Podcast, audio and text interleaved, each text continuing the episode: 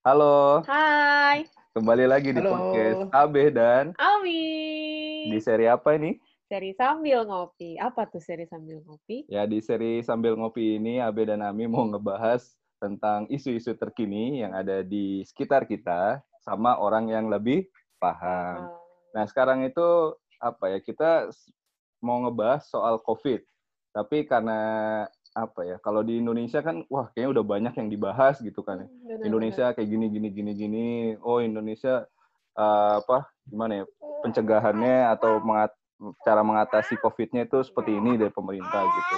Tapi nggak banyak yang tahu nih cara mengatasi COVID di negara-negara lain. Iya, Nah. kemarin kita udah coba cerita-cerita Iya. tentang bagaimana COVID di Osaka dan di Tokyo ya. Iya, Nah, sekarang kita kedatangan tamu Tamu yang undangan. spesial. Ini adalah teman AB yang sangat istimewa. Oke. Iya, teman AB ini sekarang lagi tinggal di Jerman. Ini kalau misalkan teman-teman yang belum tahu itu apa ya? Kalau misalkan dilihat dilihat peringkat uh, negara yang paling aman di dunia dari COVID itu, ya Jerman itu menduduki peringkat kedua. Peringkat kedua. Iya. Jadi Kalau wah, Jepang peringkat Jepang peringkat kelima. kelima ya. Indonesia jangan ditanya. Katanya nggak boleh sarkas. Oh iya benar-benar luar biasa emang. Terima kasih sudah diingatkan. Ya Iya. udah sebelumnya kita mau uh, memperkenalkan teman kita yang sangat istimewa ini. Namanya uh, Putra. Nama apa ya panggilannya? Iya. Mungkin dari Putra sendiri bisa memperkenalkan diri lebih jauh. Halo bro, Eh, Assalamualaikum warahmatullahi wabarakatuh. Perkenalkan nama gue, nama lengkap gue Miftahus Surur Hamidi Putra. Bahkan gue sendiri agak ribet dengan menyebut nama gue pribadi gitu. Sa- sekarang gue lagi tinggal di Ulm, lagi di lagi lagi S3 ceritanya kayak gitu. Ceritanya. Lagi ceritanya lagi S3 gitu. Nah sekarang apa ya? eh, kondisi saat ini tuh gimana di Jerman itu? Ap- Sekarang apakah lagi WFH kah atau udah masuk kampus kah atau gimana tuh? Mungkin bisa sedikit cerita. Atau malah udah normal balik lagi seperti sebelum COVID. Iya. Au au, Ai-chan. Jadi Au, au, au, au. Jadi sekarang untuk kondisi di Jerman sendiri, terutama di Ulm gitu. Karena kan sebenarnya Jerman itu sendiri juga apa ya kemarin tuh baru-baru ada berita juga kan di sebuah pabrik, nggak bahkan ada dua pabrik daging gitu kan pemotongan yang ternyata eh, sekitar seribu pegawainya itu ada yang kena COVID kan jadinya ya. harus di harus dikarantina gitu kan bahkan di sekitar harus di, harus dikarantina itu di kalau nggak salah di daerah Nordrhein Westfalen di NRW di negara bagian NRW. Jadi mungkin kalau gue pribadi mungkin akan lebih cerita khusus yang gue alami di kota Ulm atau Hmm. secara khusus atau secara umum mungkin di negara bagian gue sendiri di Baden Württemberg di BW. Jadi sekarang kondisinya adalah gue udah balik ke kampus, udah eh, istilahnya kalau di sini itu ada isinya ada level 1, 2, 3, 4. Nah, sekarang tuh udah ada level 3 pembukaan. Jadi kalau level 1 itu WFH. Terus level 2 itu seingat gua pembagiannya ruangan satu satu orang tuh eh, 15 meter persegi. Kalau misalkan Hmm. kurang dari itu nggak boleh gitu, nggak boleh ada interaksi lebih gitu. Kayak misalkan kalau kalau dua orang ya minimal 30 meter persegi ruangannya gitu loh. Hmm. Kalau di bawah 15 ya satu orang dong yang boleh kerja. Jadi gua kayak Hmm. karena ruangan gua itu luasnya kurang dari 15 eh, gua- apa sorry kurang dari 30 totalnya. Jadi satu-satu gitu. Jadi kayak gue gantian sama temen gue kayak misalkan Oh, mungkin hari ini gue, besoknya temen gue Iya. iya. atau bisa juga paginya gue, siangnya temen gue atau sebaliknya itu kayak gitu. Atau kalau mau WFH pun nggak apa-apa karena kondisinya masih belum memungkinkan karena kan mungkin aja juga orang kalau misalkan pindah-pindah tempat itu kan kadang nggak konsen atau apa gitu loh istilahnya. Gue sempat seminggu WFH juga sih pas lagi masa uh, stage 2 itu gue masih kayak gitu. Terus sekarang gue ada di stage 3, it means eh sekarang di, agak dikurangin, jadi minimal 10 meter persegi untuk satu orang. Jadi gue udah bisa balik ke kampus full. Cuma ketika gue keluar ruangan atau di, di area kampus, gue masih harus tetap pakai masker, tapi di ruangan gue enggak. tapi selepas gue keluar dari kampus gue boleh buka masker kayak Oh, gitu gitu, gitu, gitu. Terus dan apa ini? oke dan Ini- secara umum oke lu dulu deh Ini jadi ganti-gantian gini. Ah, ya udah nih, enggak maksudnya mau lanjutin pertanyaan yang eh, tadi itu. Apa ya? Kan kalau misalkan di Jerman sendiri itu kan apa ya? Masuk peringkat dua teraman di dunia gitu ya. Jadi, Versi? ah, versi ya versi lembaga ternama. oh gitu lu harus baca dulu Nah, versinya harus dong harus baca dulu dong. Ya, nanti mungkin dibacain referensinya di caption. nah, Iya. Belum tidur lihat muka om sini semoga nggak sampai takut iya, halo bisa iklan dulu. Iya. Acara ini disponsori oleh Aicha. Aisyah kalau Aisyah bunyi kita, Kita harus berhenti dulu. berhenti. Nah, terus balik lagi kayak apa sih sebenarnya rahasia gitu kayak di Jerman kenapa bisa peringkat dua gitu? Sebenarnya budaya-budaya apa aja sih yang ada di Jerman gitu? Mungkin kalau di Jepang sendiri ya, mungkin dulu udah pernah cerita di Jepang gimana. Cuman kan pasti budaya Jepang sama Jerman tuh beda ya. berbeda Apalagi sama Indonesia beda gitu. Jadi kayak apa sih yang membuat beda gitu di Jerman? Apakah dari penanganan pemerintahnya, apakah budayanya, atau gimana gitu? Terus kayak kalau di Eropa yang lain juga sebenarnya kan banyak yang masalah ya, maksudnya dalam arti banyak juga kasus-kasusnya gitu. Nah ini kenapa Jerman itu bisa aman? sebenarnya gini sih Far kalau gue lihat kalau dari segi orang-orangnya ya ini tadi sebenarnya gue agak mau lanjutin juga jadi Hmm. kalau di tempat gue sendiri kalau di transportasi umum pun sekarang pun ya masih pakai masker tapi ketika udah keluar orang pun udah lepas masker gitu dan sekarang kondisinya udah kayak di tempat-tempat umum tuh udah hampir kayak normal gitu kan Hmm.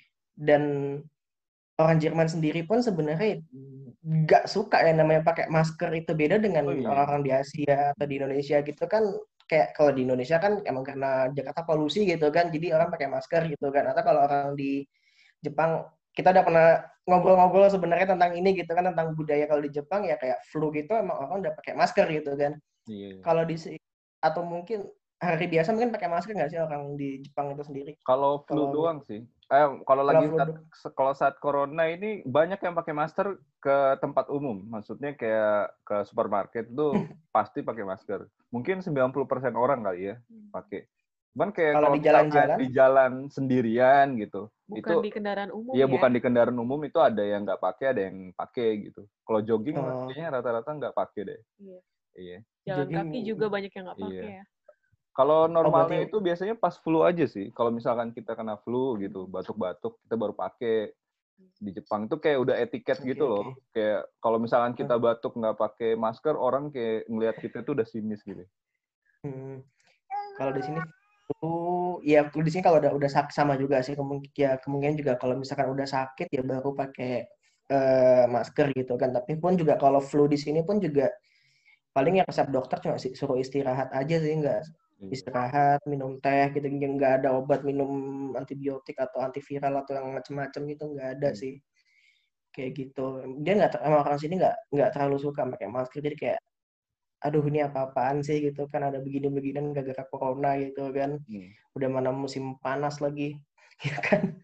Waktunya berjemur waktunya grillen. Biasanya kalau orang luar negeri itu kan kalau lagi musim panas tuh sering grillen Gri- eh, grillen tuh maksudnya bakar-bakar Iya, iya. bakar-bakar di taman gitu-gitu kan ngumpul rame-rame sambil minum bir, minum ya minum jus. Kalau yang tidak minum bir.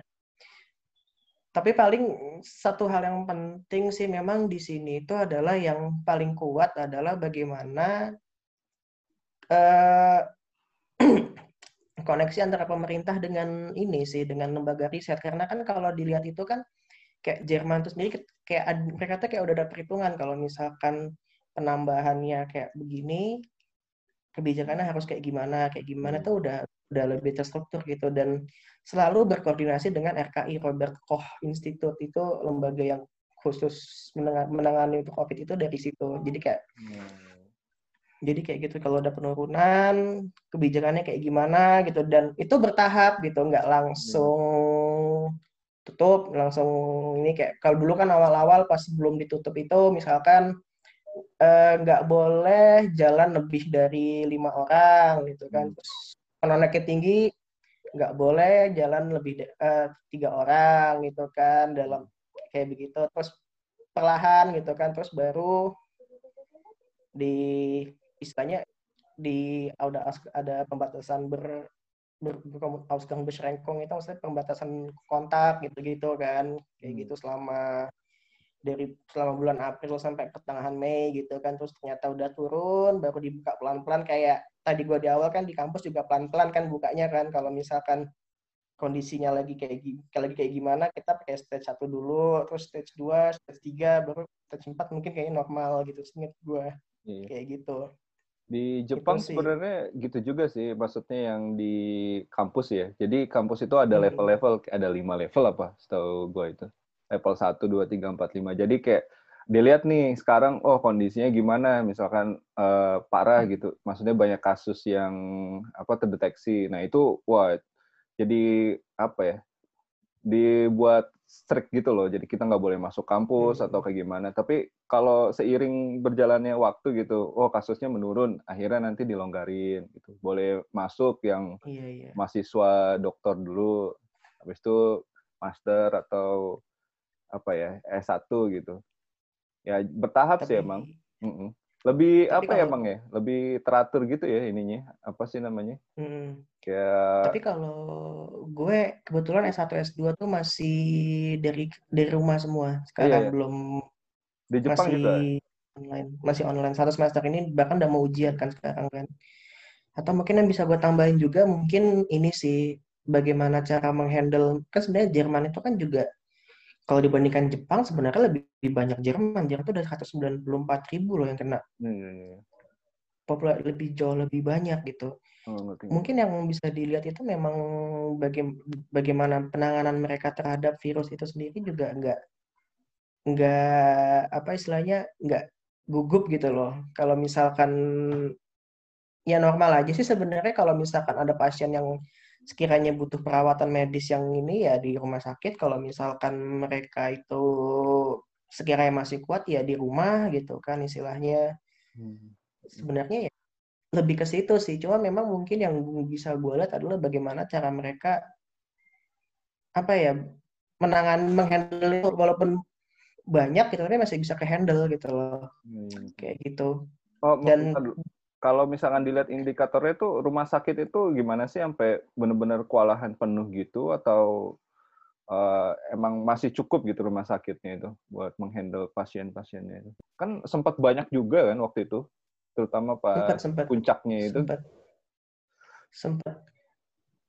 Eh ya sempat sih kayak beberapa hotel di ada rencana mau dip- dipakai dialokasikan buat ini Oh, kan iya, buat iya. perawat penanganan corona juga itu juga ada kan kayak gitu dan ya mungkin juga satu hal yang positif dari negara ini adalah bagaimana mereka menangani orang-orang kehilangan pekerjaan karena Oh, iya. eh, Koron COVID ini. corona. Mm-mm. Hmm. Jadi kan sebenarnya kan gue udah mungkin gue sering beberapa kali bilang sama lu ya kan kan cerita-cerita nih kalau lu kan dari dapatnya beasiswa Max kan kalau gue Iya. dapatnya dari beasiswa kelas profesor dan status gue kan jadi kayak pekerja gitu kan. Hmm. Jadi kalau di sini kan memang kalau pekerja itu kan sebenarnya dari bruto lo dipotong sekitar 30-an persen gitu kan. Dan ini eh, ya sekitar 3, 28 sampai 30 tergantung status lu juga kalau misalkan jomblo pajak lu lebih tinggi. Waduh. Potongannya 32 kalau lu udah punya anak ya cuma 28 persen gitu kan. Cuma dapat plus-plus uang anak dan kawan-kawan. Dan juga potongannya itu rinciannya itu selain pajak penghasilan juga ada potongan buat asuransi kesehatan terus apalagi ya uang pensiunan rentan pensiunan itu pajak pensiun buat nanti kalau pensiun lu bisa klaim itu Hmm. atau satu lagi untuk masalah eh, asuransi kalau misalkan lu kehilangan Kerjaan. apa namanya pekerjaan dan Oh, gitu-gitu. ngerti, ngerti. ya dan lu kalau tahu namanya ada youtuber siapa tuh yang orang orang cowok Indo nikah sama cewek Jerman Oh. itu tuh dia bikin akun youtuber itu modalnya modal dari uang itu jadi kalau nggak salah dia kehilangan pekerjaan terus bikin akun YouTube singkat Oh, gue maksudnya pas COVID? bukan itu itu secara umum itu emang Oh. itu udah aturan umum ini aturan Oh, umumnya di sini Oh, iya, kayak iya. gitu Eh, Dan kemarin juga ketika sebentar, beberapa sebentar. Ka- Kalau misalkan kehilangan pekerjaan itu kan sebenarnya apa ya? Kalau di Jepang itu setahu gue itu dia dapat duitnya per bulan gitu ya. Nggak banyak sih, Mm-mm. tapi intinya bisa cover kehidupan dia gitu. Kalau di Jerman juga kan, Mm. maksudnya kalau kehilangan kerjaan dapat duitnya per bulan kan? Nggak, dapat duitnya per bulan itu se- sebesar banyak, 6, Mas. 60 60 sampai 67 persen dari gajinya dia sih iya, sebenarnya. iya. Ya Kayak gitu, maksudnya dan bagusnya di Jerman tuh ini ya kayak apa ya ya intinya kalau yang terkena dampak dari COVID-nya ini walaupun dia kehilangan kerjaan masih bisa hidup gitu ya karena ada masih asuransi bisa ya apa yang masih kehilangan bisa. kerjaannya itu ya Heeh. dan untuk yang pekerja-pekerja yang istilahnya rentang waktunya kontraknya singkat ya itu bisa minta ke negara juga sih sebenarnya iya. sih untuk menanggung itu sih. dan kebetulan gue juga gue juga punya teman satu ini satu gunung satu ruangan. Eh, nggak satu ruangan satu flat gitu kan. Hmm. nggak bisa dibilang flat juga sih ini rumah soalnya. Jadi dia tuh kebetulan dia juga kena dampak dari ini kan Covid. orang IPB dia Oh. orang IPB dia yang B-nya nggak usah sebut negara gue nggak enak soalnya takutnya kedengeran dia lagi di luar sini. Nggak enak gue.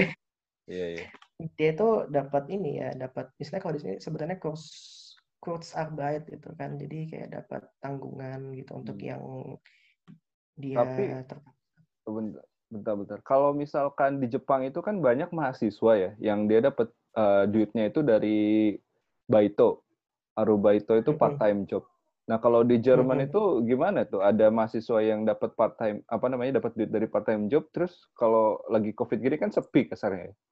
Terus gimana iya tuh iya kan bisa nggak bisa dibilang pengangguran dalam artian dia kan belum kerja gitu masih mahasiswa Nah, kalau untuk ini mungkin kalau dari orang kan sebenarnya gini ya, kalau syarat, gue nggak tahu kalau syarat untuk ke Jepang itu gimana. Tapi kalau syarat untuk orang ini kan biasanya kalau yang ambil ambil part time itu biasanya adalah orang-orang yang normali ya, yang dia tuh datang ke sini nggak pakai beasiswa, pakai duit sendiri. Biasanya seperti itu, kayak gitu. Dan memang ketika lu sebelum lu berangkat ke Jerman sendiri pun Iya. istilahnya apa ya, udah harus ada minimum tuh setiap buat setahun tuh berapa, buat bikin visa tuh udah ada oh iya hitungannya yang kayak gitu kayak gitu Oke. sih Berarti sebenarnya nggak banyak ya yang apa namanya, yang part time kerja part time di Jerman gitu, misalkan yang dari Indo gitu. banyak Mahasiswa, mahasiswa. Banyak. mahasiswa banyak banyak iya, banyak banyak ya. banyak banyak istilahnya Tapi- apalagi kan anak-anak yang pengen mandiri gitu kan kadang anak-anak Oh, iya, yang belum pengen mandiri kan dia kerja. Cuma ya itu tadi eh hand kalau untuk bagian yang itu kayaknya setahu gua sih emang nggak nggak ada tanggungan istilahnya sih ya. Karena kan emang lu datang ke sini kan emang udah harus ada minimum duit berapa gitu kan. Oke. kayak gitu. Kalau apa ya, di Jerman itu dia pemerintahnya ngasih bantuan langsung tunai gitu gak sih? Kagak Jadi eh, oh ya maksudnya yang terkena dampak dia kena ini, dapat ini aja asuransi yang dari pemerintah. Kalau dari iya itu udah kayak menurut gue udah udah aman juga dan memang itu Oh, kan iya. istilahnya udah cukup nanggung lah gitu loh. Ber- Berarti kehidupan. ini ya, social security-nya itu udah bagus banget ya?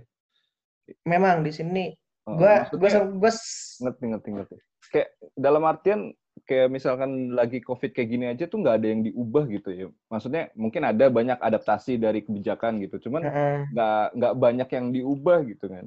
Dan itu udah sosialnya itu udah berjalan social security-nya itu. Iya iya. Paling ya yang agak diubah yang mungkin kayak seingat gue kayak penggelontoran uang sekian berapa euro untuk ke perusahaan-perusahaan itu yang terkena Iya, iya. dampak paling itu aja sih. Cuma Perusahaan sih, iya. secara spesifik nggak mengubah kebijakan. Ya paling kebijakan masalah locker room kalau kalau misalkan sekarang mungkin karena udah berkurang but kalau misalkan ada penambahan untuk menghindari second wave ya Hmm. lo apa locker room itu maksudnya lockdown lockdownnya lo, lebih lokal gitu kan Hmm. jadi nggak kalau waktu itu kan karena naiknya tinggi langsung nasional gitu kan dengan walaupun ada penambahan kebijakan dari masing-masing negara bagian gitu kan kayak kemarin Bayern benar-benar lebih ketat gitu kan Bayern tuh yang Munchen itu Hmm. cuma kalau di tempat lain mungkin ya mas nggak nggak seketat Bayern gitu kan istilahnya Hmm. tapi ya lebih ke situ sih mereka memang udah jaminan sosialnya udah udah kuat dengan iya Pak. pendidikan aja kan sebulan apa satu semester aja itu kan paling habis kalau umumnya ya secara umum gitu kan karena kalau secara umum itu kan kita tuh kan cuma bayar ini doang ya kayak semester contribution doang yang itu it means cuma sekitar 3 juta rupiah doang kalau di total gitu kan dan dan berikut sama semester tiket juga kan biasanya. Hmm. kecuali di negara bagian gua memang untuk warga negara non EU harus masih bayar 1.500 euro. It means tuh sekitar berapa juta itu? Sekitar 30 lah ya kayak eh Hmm. matematika gua nggak jago nih kalau ngitung-ngitung Ya ya 1.500 euro gitu kan. Ya masih puluhan juta lah ordernya gitu mas. Di bawah 50 juta gitu. Dan itu pun masih lebih murah kalau misalkan lu lihat tuition fee-nya Belanda gitu kan masih lebih mahal atau mungkin Jepang tuition fee lu berapa Far? kalau misalkan untuk S3 Tuition fee-nya ya 300 ribu per semester. 300 ribuan per semester. Kalau Tapi kan dibayar. Yen, yen. iya FH. Eh, kalau di rupiahin berapa Ya udahlah. Gede Dua. lumayan. 30 ya Empat 30 ya Iya, tapi ya alhamdulillahnya ada beasiswanya gitu. Kalau bayar sendiri Iya. mah nggak mampu. Oke, balik lagi. Eh, ini ya, tadi tuh sebenarnya rada tertarik sama pemerintah itu ya di Jerman itu bikin apa ya protokol buat COVID ya. Dia itu kayak menggandeng institusi ini ya riset ya. Jadi kayak betul yang apa ya? Jadi ini kita ngasih kebijakan gitu ke apa masyarakat nih pemerintahnya. Nah itu benar-benar ini ya, ya berdasarkan dari hasil, hasil riset, gitu ya. riset. Oh sebenarnya ini kan pasti Iya. riset ini ada yang riset di eh, apa epidemiologi gitu ya. Ya pasti oh ini virus nih ya yakin udah diprediksi lama, cuman nggak tahu kan kapan bisa outbreaknya kayak gini. Jadi mereka yakin udah punya model gitu. Pemerintahnya harus gimana gitu. Itu bahkan ada menarik model banget itu sebenarnya.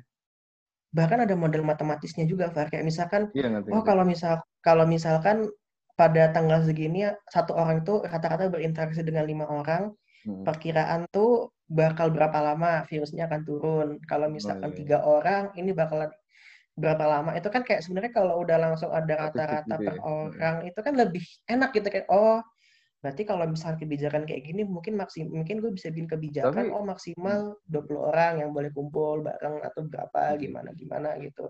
Ka- Kalau di Jerman itu sistemnya itu otonomi daerah atau gimana ya? Maksudnya kan kayak pemerintah pusat tuh bisa ngasih kebijakan pusat gitu loh. Tapi apakah daerah itu punya kebijakan sendiri kah atau gimana itu ngelihatnya? Negara bagian punya kebijakan sendiri. Tapi biasanya gini sih kalau untuk kasus corona itu nasional dari nasional punya standarnya kayak begini. Oh, Tapi kalau misalkan negara bagian mau bikin lebih ketat, ya itu udah kebijakan parlemen negara Iya. bagian. Oh, Karena kan gua federal kan di sini kan dan oh, federal ya. kayak sistem pendidikan pun bayar kayak uang kuliah aja pun bisa bisa beda kan tergantung kebijakan negara bagian kayak Oh, iya. gimana gitu loh. Kayak gitu. Nah, terus kalau di Jerman itu hotspot yang apa ya banyak kasusnya itu di mana ya? Eh, hotspot awal Di kalau peringkat satu Berlin? tuh di NR. Enggak, justru Berlin nggak terlalu ini Berlin karena nggak? Berlin kan enggak, justru yang Jerman tuh agak unik karena awal mulai awal mula corona tuh ada tuh malah dari kota-kota kecil. Oh iya. Kayak di tempat kayak di tempat gua tuh pertama mulai dari Gupingen. Lu tau nggak tahu Gupingen kan di mana? Tahu Kalau mana. mungkin kalau Ulm mungkin tahu karena itu tempat lahirnya Albert Einstein gitu kan. Kompetensi. Walaupun terus kalau Stuttgart ya lu tahu, Munchen tahu gitu kan. Tapi mungkin gue lebih enak ini kali ya kayak ngerangkum negara bagian. Memang kalau yang pertama tuh di Bayern, Munchen itu yang Oh, ibu Munchen kotanya ya. Munchen. Kedua itu NRW yang kayak Köln, Aachen, Bonn dan kawan-kawan itu Hmm. Munster gitu. Kalau yang ketiga negara bagian gua kebetulan di Baden-Württemberg dan Aman cukup lumayan ini juga sih, lumayan cukup banyak juga sih di negara Hmm. bagian gue yang kena epicentrumnya kalau di tempat gue di Stuttgart, Dubingen, ya sekitaran Stuttgart lah, sekitaran Stuttgart. Untuk Ulm sendiri un- untungnya nggak terlalu banyak sih dari 200 ribu populasi, eh 120 ribu populasi untuk sampai saat ini baru 288 orang yang terinfeksi Oh. kayak gitu. Oh, Jadi kalau- nggak Iya, iya. Mau ini dong, mau tanya tentang sebenarnya sekarang, maksudnya sampai saat ini eh, itu udah berapa gelombang sebenarnya yang terjadi? Oh, eh, satu gelombang belum nih. masih satu sih. Kalau yang Itu- kemarin Itu semua wilayah. Iya iya kalau kan kemarin itu kan baru-baru ini kan ada kasus agak yang banyak itu Oh, iya, yang membayar. gara pabrik gara pabrik daging di pabrik daging itu kan yang seribu orang terinfeksi dan pada akhirnya yang di Gutersloh nama daerahnya itu di NRW kota kecil juga itu. Pada akhirnya ya satu daerah itu harus di Isolasi. lockdown di, diisolasi selama 14 hari gitu. Jadi sekarang tuh sebenarnya kalau mau gue juga agak bingung juga sih mendefinisikan gelombang kedua itu syaratnya seperti apa? Apakah harus sama kayak ketika harus sama kenaikannya ketika gelombang satu. Kalau misalkan definisinya itu adalah ya bisa dibilang belum. Mungkin ya lokal lokalan aja Belum, gitu kan. Masih awal ya. masih awal. Dan memang Tap- sekarang hmm. pemerintah itu lebih tanggap langsung ya udah di lockdown lokal aja gitu loh nggak kayak kemarin-kemarin. Pak, kalau di Jerman itu sebenarnya uh, lockdown itu kapan ya? Maksudnya pas bener-bener, oh ini ada COVID nih. Ap- Apa bener-bener langsung nutup travel Di apa awal restriction atau gitu atau banyak iya gitu atau ya? gimana gitu? Soalnya kan kayak kalau telat seminggu aja tuh, wah efeknya Wah, udah beda gitu Udah kan. meledak. benar benar benar Ya, kalau kita sih waktu itu awal-awal ya travel rest apa awal-awal tuh kayak benar-benar perlahan kan misalkan iya. pertama-tama orang nggak boleh keluar dari Jerman dulu gitu kan terus baru bandara-bandara baru bandara-bandara ditutup gitu-gitu kan Iya. terus mungkin awal-awal nggak boleh nggak boleh ke taman dulu kayak awal-awal itu pas lagi puncak-puncaknya nggak boleh ke taman karena kan memang lagi summer kan orang lagi sering ke taman kayak gitu gitulah dia Tapi bandara udah di iya. Orang-orang pada patuh gak? Ntar dia ngomongin apa nggak ya kalau nggak patuh ya susah juga ya. yang nggak patuh sih ada sih sebenarnya sih Far. Oh iya. yang patuh ada yang nggak patuh ada sebenarnya yang gue dari kata teman gue yang di Stuttgart itu juga ah gue keluar masih agak ramai juga aku orang-orang pun pada ngobrol-ngobrol di S-Bahn. S-Bahn tuh kayak di Schnellbahn berarti kayak iya kayak KRL lah modelnya itu. Masih ada apa gitu kan. Kayak gitu. Ya, ada yang nggak patuh juga sebenarnya. Orang-orang Eropa tuh apa ya mau dibi sebenarnya nggak cuma orang, orang orang di sini lah karena emang beberapa juga yang nggak patuh. Itu kan terkadang non orang asli sini juga kan kayak gitu ada juga yang nggak patuh itu ada kok Hmm, tapi mak- maksudnya rata-rata mah pada patuh ya. kata-kata patuh memang Iya. Kalau di Jerman itu apa ya? Jumlah penduduk yang lansianya itu udah banyak gak sih? Kalau di Jepang itu kan banyak ya, lumayan banyak bisa dibilang tuh. Mm. Kalau di Jerman itu apa penduduk yang lansianya itu banyak lah? Ya lumayan banyak juga sih sebenarnya sih Oh iya. cuma kan kalau yang lansia itu kan memang apa ya kalau kayak depan gue ini banyak orang lansia loh sebenarnya di daerah gue Enggak, enggak maksudnya karena apa kalau di Eropa itu contohnya kan kayak Italia ya. Italia itu banyak. apa orang tuanya tuh banyak gitu dan itu wah makanya ris riskan banget gitu. Nah, kalau sini di juga di Jerman gimana tuh kira-kira sini juga sini juga banyak orang tua masih banyak juga kok gue persentasenya mungkin nggak begitu hafal ya tapi Iya, banyak iya. Banyak ya. Ya banyak kalau lah. kalau di Indo kan wah pasti yang dilihat anak muda. nggak iya pas kemarin mau new normal pesantren aja kan diperhatikan tuh pak kayak kayaknya gimana nasibnya gitu kan Iya.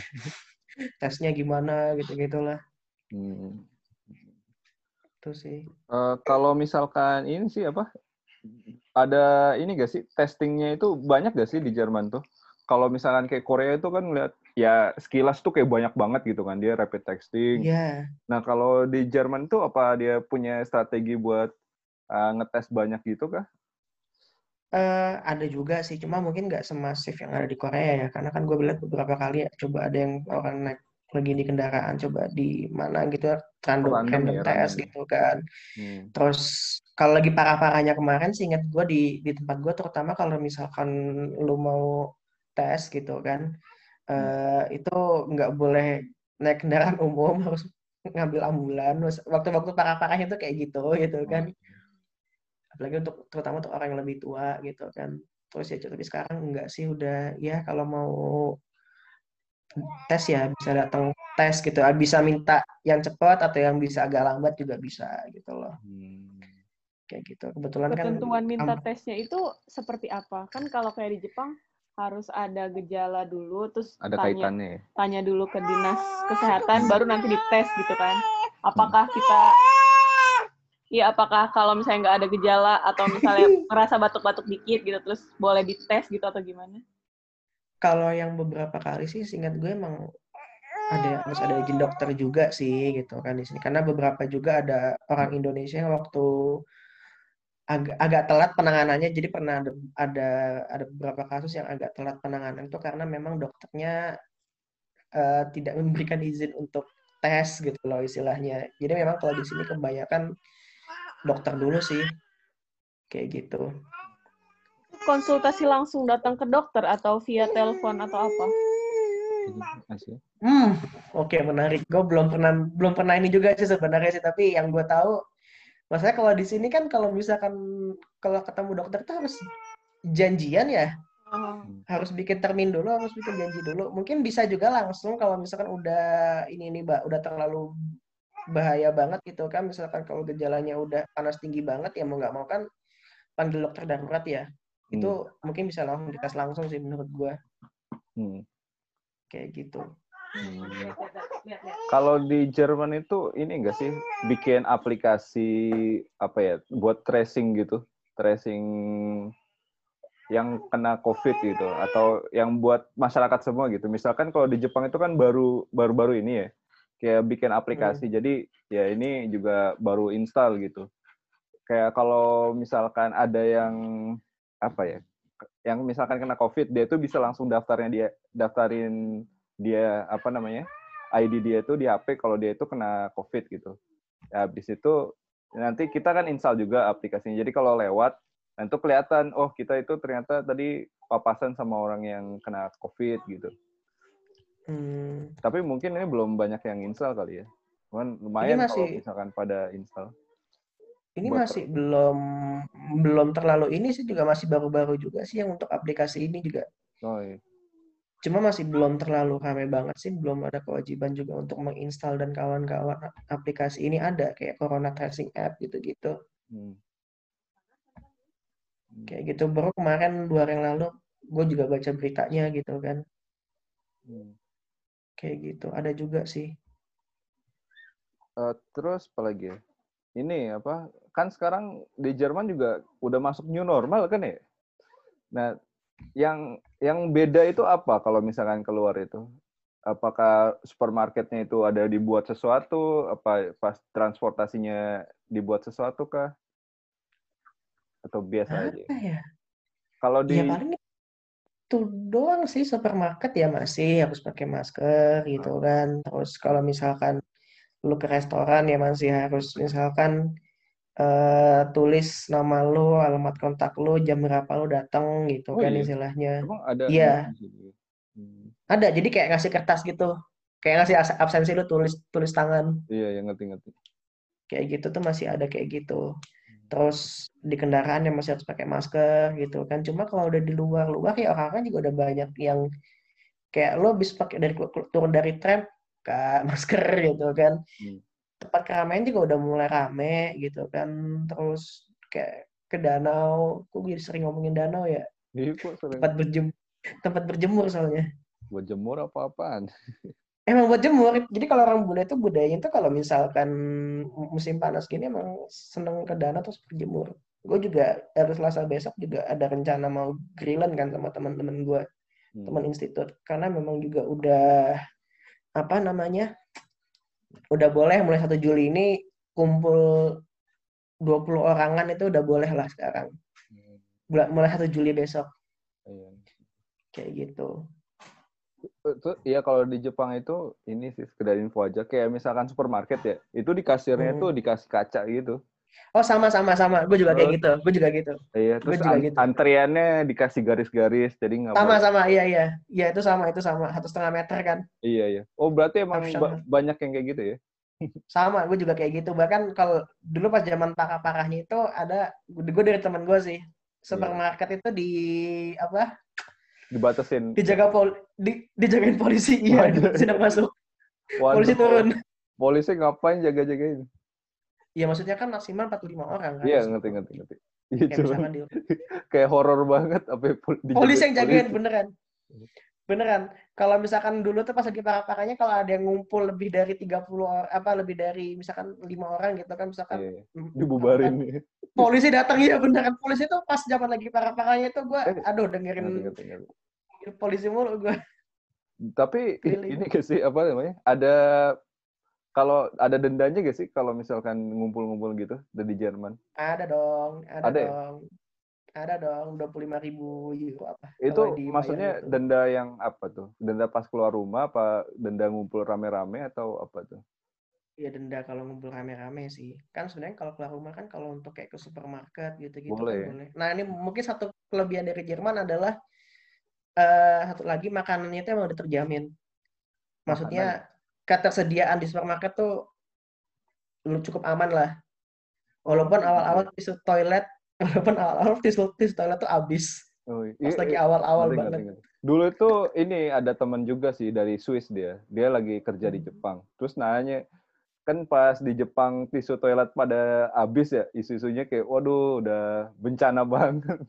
Terus ternyata emang mungkin mirip sama Jepang ya. Jadi kayak di Eropa itu emang bener-bener ngandelin tisu toilet ya.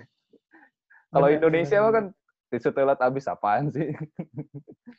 Kalau gua kan, kalau kita kan ini kalau gua nggak tahu ya kalau di kalau di Jepang yang ngakalin Iya. pakai air itu pakai yang itu buat penyiram bunga itu loh. Ah, iya. Tapi di Buat- Jepang wajib juga sih. Maksudnya orang kayaknya wajib punya tisu toilet. Orang Jepang ya. Oh, Ya kalau nggak pakai tisu toilet wah bencana. udah kebiasaan sih. iya, ngerti ngerti. Eh, terus apa lagi ya?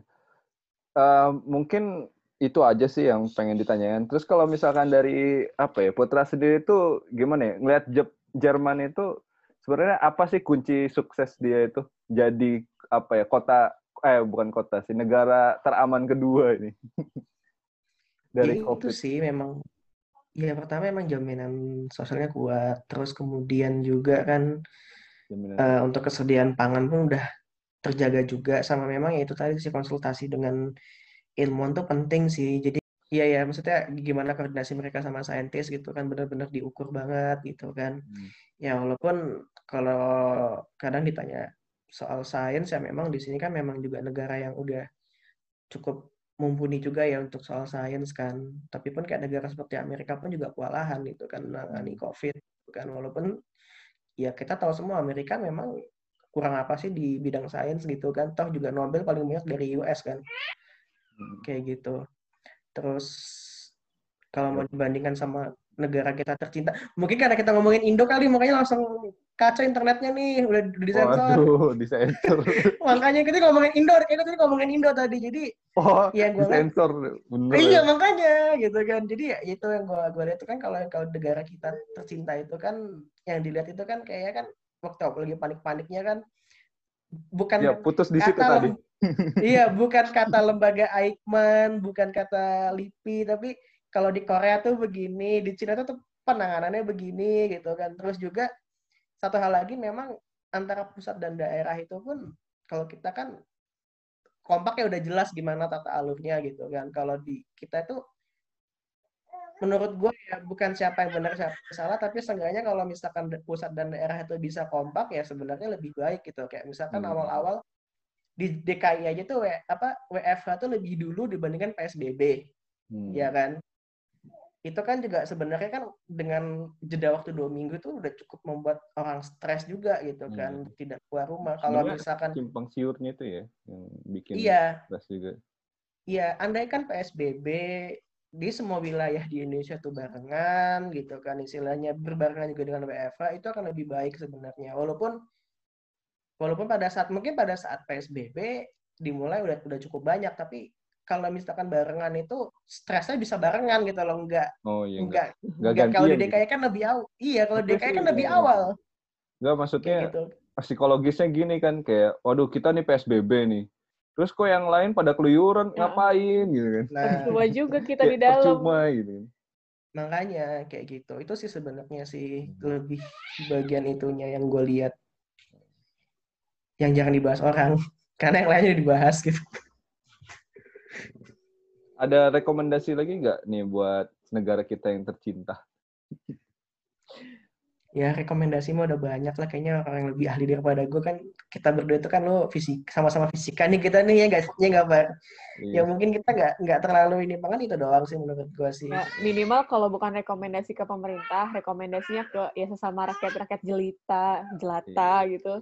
Kira-kira apa, pengen ngungkapin apa buat rakyat Iya maksudnya jelata gini di loh. Indonesia. Kan kayak tinggal di Jerman gitu kan. Oh Hmm. ternyata itu gini gini gini gini. Terus kita ngeliat berita kok begini begini begini Hmm, gitu. Ya, Sebenarnya ya, ya. apa gitu? Ya buat masyarakat sih. Secara umumnya itu. Ya untuk masyarakat jaga kesehatan aja gitu kan. Mau gimana lagi gue juga karena udah dibuka gitu loh. Kan kalau misalkan masih kalau misalkan masih belum dibuka ya gue masih bilang ya tolong pada masyarakat untuk mentaati aturan pemerintah gitu kan. Tapi mas lo udah nyuruh dibuka ya gue ya saran gue apa? Ya udah jaga kesehatan aja makan yang cukup gitu kan. Pakai masker ke mana-mana gitu kan. Saya nuzon sekali emang orang ini. masalahnya kan iya iya kalau kan gue bilang tadi kan kalau misalkan masih di suasana PSBB gue masih bisa bilang pada masyarakat untuk mentaati peraturan pemerintah. Sekarang ya ya pemerintah udah udah dicabut gitu udah udah dibuka semua gitu kan supermarket udah pada buka gitu kan. Mau gimana lagi gitu. Terus perbanyak makan makanan sehat gitu kan perbanyak makan sayur. Udah ini kayaknya bahasannya udah nggak jelas deh. Ya udah bukan nggak jelas sih. kita tutup aja nih pertemuan kita kali ini. Ya terima kasih Putra atas Ya, waktunya. terima kasih Yo, yo, banyak udah mau diundang. Terima kasih juga nih. sama-sama Ya. Udah, Aichan dadah. mana Aichan Itu lagi main sendiri. Ya udah, ditutup Aisyah. dulu ya. Dadah. sini, sini. dadah